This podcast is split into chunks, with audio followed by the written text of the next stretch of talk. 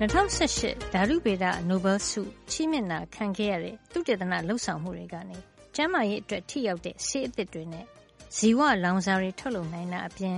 လူတွေအတွက်ဘလို့အကျိုးဖြစ်စေတယ် ဆိုတာကို ဒီတစ်ပတ်မှာ ပြောပြပါရစေ။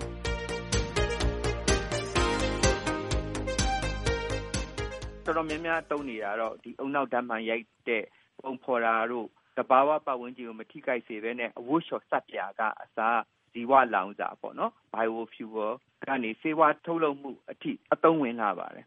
autoimmune disease ပေါ့နော်မျိုးရိုးဗီဇကနေဖြစ်တဲ့လေးဘက်နာအဆစ်အမြစ်တွေရောင်တာနဲ့ဖြစ်တဲ့ကြိုက်ခဲတဲ့ဝေဒနာတွေကုတဲ့ဆေးဆိုဒီမျိုးရိုးဗီဇပြောင်းလဲမှုကိုအခြေခံပြီးသုတေသနလုပ်ပြီးထုတ်ဖော်ထားတဲ့ဆေးတွေပေါ်ပါပြီဒေါက်တာပရိသာတင်ပါမျိုးရိုးဗီဇပြောင်းလဲမှုကိုအခြေခံတဲ့သုတေသနတွေကြောင့်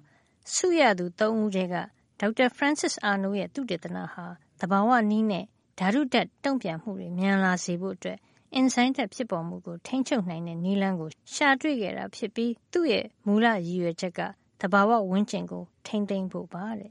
ဒီ enzyme protein ရဲ့ သဘာဝက ဘာလဲဆိုလို့ရှိရင်ဓာတုပေါင်းစပ်မှု ပြောင်းလဲမှုကို မြန်ဆန်စေတာ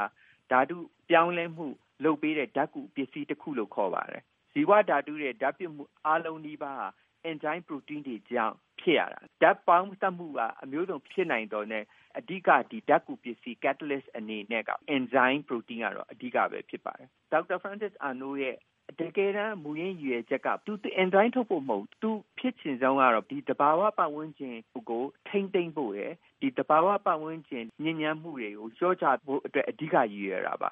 ဒေါက်တာအာနိုးတို့ရဲ့သုတေသနဟာဇီဝလောင်စာအတွက်တိတ်ကိုအရေးပါပါတယ်။ ဘာကြောင့်ပါလဲ။ဇီဝလောင်စာကို renewable energy လို့ခေါ်ပါတယ် ပြန်ပြီးတော့ ထုတ်လို့ရတဲ့ စွမ်းအင်တစ်မျိုးပေါ့ ဒီ renewable energy ကရေနံကနေထုတ်တဲ့ဓာတ်ဆီလို့မဟုတ်ပါဘူး ရိုးဓာတ်ဆီက fossil fuel လို့ခေါ်ပါတယ် လွန်ခဲ့တဲ့ နှစ်တန်း ရာပေါင်းမြောက်များစွာကြာပြီးမှ မြေအောက်ကရတဲ့ တွင်းထွက်ပစ္စည်းဖြစ်ပါတယ် သူတို့တွေက ဘာတွေလဲဆိုလို့ရှိရင် ရေနံတို့ကြောက်မီးသွေးတို့တဘာဝတန်ငွေတို့ပေါ့နော် စွမ်းအင်သူတေသနာလုပ်တဲ့ လူတွေရဲ့ခံမှန်းချက်အရာဆိုလို့ရှိရင် ဒီနှုံးအတိုင်းသာ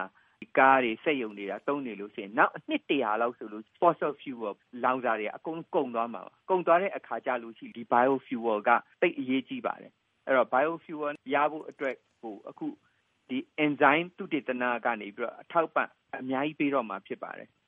ဒီ ဇီဝလောင်စာဆိုတဲ့အတိုင်း သူက ဘယ်ရရလဲဆိုလို့ရှိရင် ဒီ biofuel ကို တစ်ပင်တွေ cell ရဲ့ classy အလွှာကနေပြီးတော့ protein enzyme နဲ့ ခုနဒီဒေါက်တာ Francis Arnold လို့ထုတ်လိုက်တဲ့ အကောင်းဆုံး protein enzyme ပေါ့ဒီနဲ့ ရောလိုက်တဲ့အခါ ဒီ protein enzyme က ဓာတ်ကူဖြစ်စီဖြစ်တဲ့အတွက်တစ်ပင်တွေက cell classy အလွှာနေတကြားဓာတ်ထွက်လာတယ်ပေါ့နော် ထွက်လာတဲ့ကြားဓာတ်ကနေပြီးတော့မှကစောဖောက်လိုက်တဲ့အခါကျတော့မှ ကျွန်တော်တို့ ကားတွေမှာ ထည့်ပြီးတော့ မောင်းလို့ရတဲ့ ethanol ဓာတ်ဆီလောင်စာရတယ် အဲ့ဒါကို biofuel လို့ခေါ်တာပါ ဓာတ်ဆီထဲမှာ10ရာခိုင်နှုန်းကနေ15ရာခိုင်နှုန်း ဒီ ethanol ဓာတ်ဆီပါတယ်ဆိုတာကို ရေးထားတာ အဲအဲ့ဒါပါ ဒေါက်တာအာနုရဲ့ဤပညာဒီအစွမ်းထက်တဲ့ enzyme မျိုးကို ဒီအပင်တွေကနေပြီးတော့ ဓာတ်ပြုတဲ့နေရာမှာ အလွန်မြန်ပြီးတော့ စွမ်းရည်မြင့်တဲ့ ဓာတ်ပေါင်းစပ်မှုဖြစ်နိုင်အောင် ဓာတ်ကူဖြစ်စီ enzyme မျိုး ဖန်တီးနိုင်ပြီဖြစ်တဲ့အတွက် ကုန်ကြစရိတ်တို့ ထွက်နှုံးအတော်မြင့်အောင် လုပ်နိုင်တဲ့ biofuel တွေကိုဟို အခုအများကြီး ထုတ်နိုင်ပြီဖြစ်ပါတယ် ဒေါက်တာအာနိုးရဲ့ သုတေသနအပြင် သူနဲ့အတူ ဆုရခဲ့သူတွေဖြစ်တဲ့ ဒေါက်တာ George Smith နဲ့ ဒေါက်တာ Gregory Winter တို့ရဲ့ သုတေသနတွေက တယောက်နဲ့တယောက် အပြန်အလှန် အကျိုးပြုနေတာပါ။ဒီ biofuel ထုတ်တဲ့ enzyme မှာ ခုန ဆေးသုတေသနလုပ်တဲ့ enzyme နဲ့ DNA structure ချင်းမတူဘလို့အမျိုးမျိုး လိုချင်လဲဆိုတဲ့ဟာကို ခုန Gregory Smith နဲ့ Dr. Winter တို့က အမျိုးအစားကို selection process အနေနဲ့ ဒီ evolution theory idea ကို ယူပြီးတော့မှ သူတို့က ထုတ်ယူတာ အဲ့ဒါရတဲ့ဟာတွေကမှဒေါက်တာအာနိုကဒီ enzyme ကိုဒီတိုင်းသာထားလို့ရှိရင်ပွားတော့ပွားမယ်ဒါပေမဲ့ effective မဖြစ်ဘူးဘာလို့လဲဆိုတဲ့အခါကျတော့ချိနေနေတဲ့ enzyme လည်းပါမယ်အရန်ကိုတန်နေတဲ့ enzyme protein လည်းပါမယ်အဲ့တော့ချိနေတဲ့ enzyme ကိုအရန်တန်နေတဲ့ enzyme ကိုတော့ bacteria တွေကိုထည့်ပြီးတော့မွေးထုတ်လိုက်ကောမွေးထုတ်လိုက်တဲ့အခါကျတော့ကောင်းတဲ့ enzyme တွေအများကြီးထွက်လာတယ်မှာအဲ့ကောင်းတဲ့ enzyme တွေကိုယူထုတ်လိုက်ထုတ်ပြီးတဲ့အခါကျတော့နောက်ဖန်ပေါင်းကြောင်တစ်ခုထဲမှာပြန်ထည့်အကောင်းနေပဲဝင်လာတဲ့အခါကျတော့ မျိုးကောင်းမျိုးတန့်တွေဒီတဲ့ပူအားရှိတဲ့ဟာတွေပြန်ထွက်လာတယ်အဲ့တော့စင်ကားစင်ကားနဲ့လဲ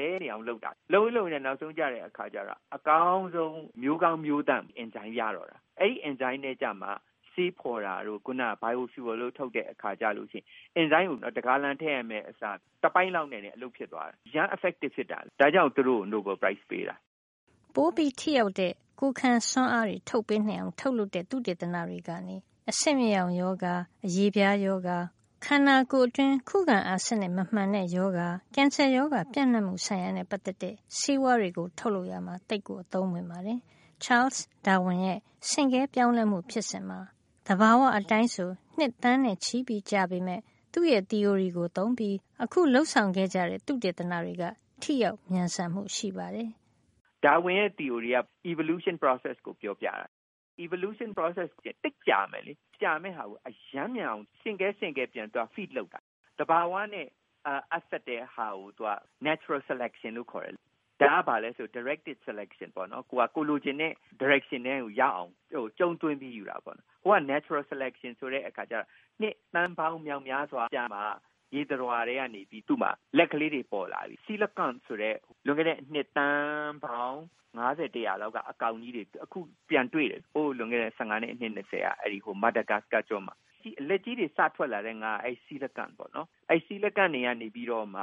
ကုန်းပေါ်ကိုတွားသွားသတ္တဝါတွေဖြစ်တာ။နောက်ပြီးဒီ chemical structure ပေါ့နော်။ဒီ molecule တွေထဲမှာအကောင်းဆုံး molecule ကဘယ်မှာပဲရှိလဲဆိုအပင်တွေရယ်၊လူတွေရယ်၊တိရစ္ဆာန်တွေရဲ့ကိုယ်ထဲမှာအကောင်းဆုံးပဲ။ အဲဒီ structure ကဘာလဲဆိုသဘာဝကပဲလုပ်ပေးနိုင်တယ်။သဘာဝကလုပ်ပေးဖို့ဒီ structure ရဖို့အတွက်ကိုနှစ်သန်းပေါင်းတထောင်နှစ်ထောင်လောက်စောင့်ရတယ်။အဲလောက်ထိစောင့်နေလို့ကတော့ဘယ်ဖြစ်မလဲ။ဆေးကောင်းမျိုးကောင်းထွက်ချင်လို့ရှိရင်ဒီနည်းနဲ့အမြန် feed လုပ်တာပေါ့နော်။ထွက်လာလိုက်ကောင်းတာယူလိုက်ထွက်လာလိုက်ကောင်းတာယူလိုက်နောက်ဆုံးကျမျိုးကောင်းမျိုးသန့်တွေထွက်လာတယ်ဒေါက်တာပရိသာတင်ရဲ့ပြောကြားခြင်းနဲ့ပဲဒီသတင်းပတ်အတွက်သိပ္ပံနဲ့နည်းပညာကဏ္ဍကိုဒီမှာပဲရန်နာလိုက်ပါရစေနောက်တစ်ပတ်မှာပြန်ပြီးဆောင်ကြအောင်နော်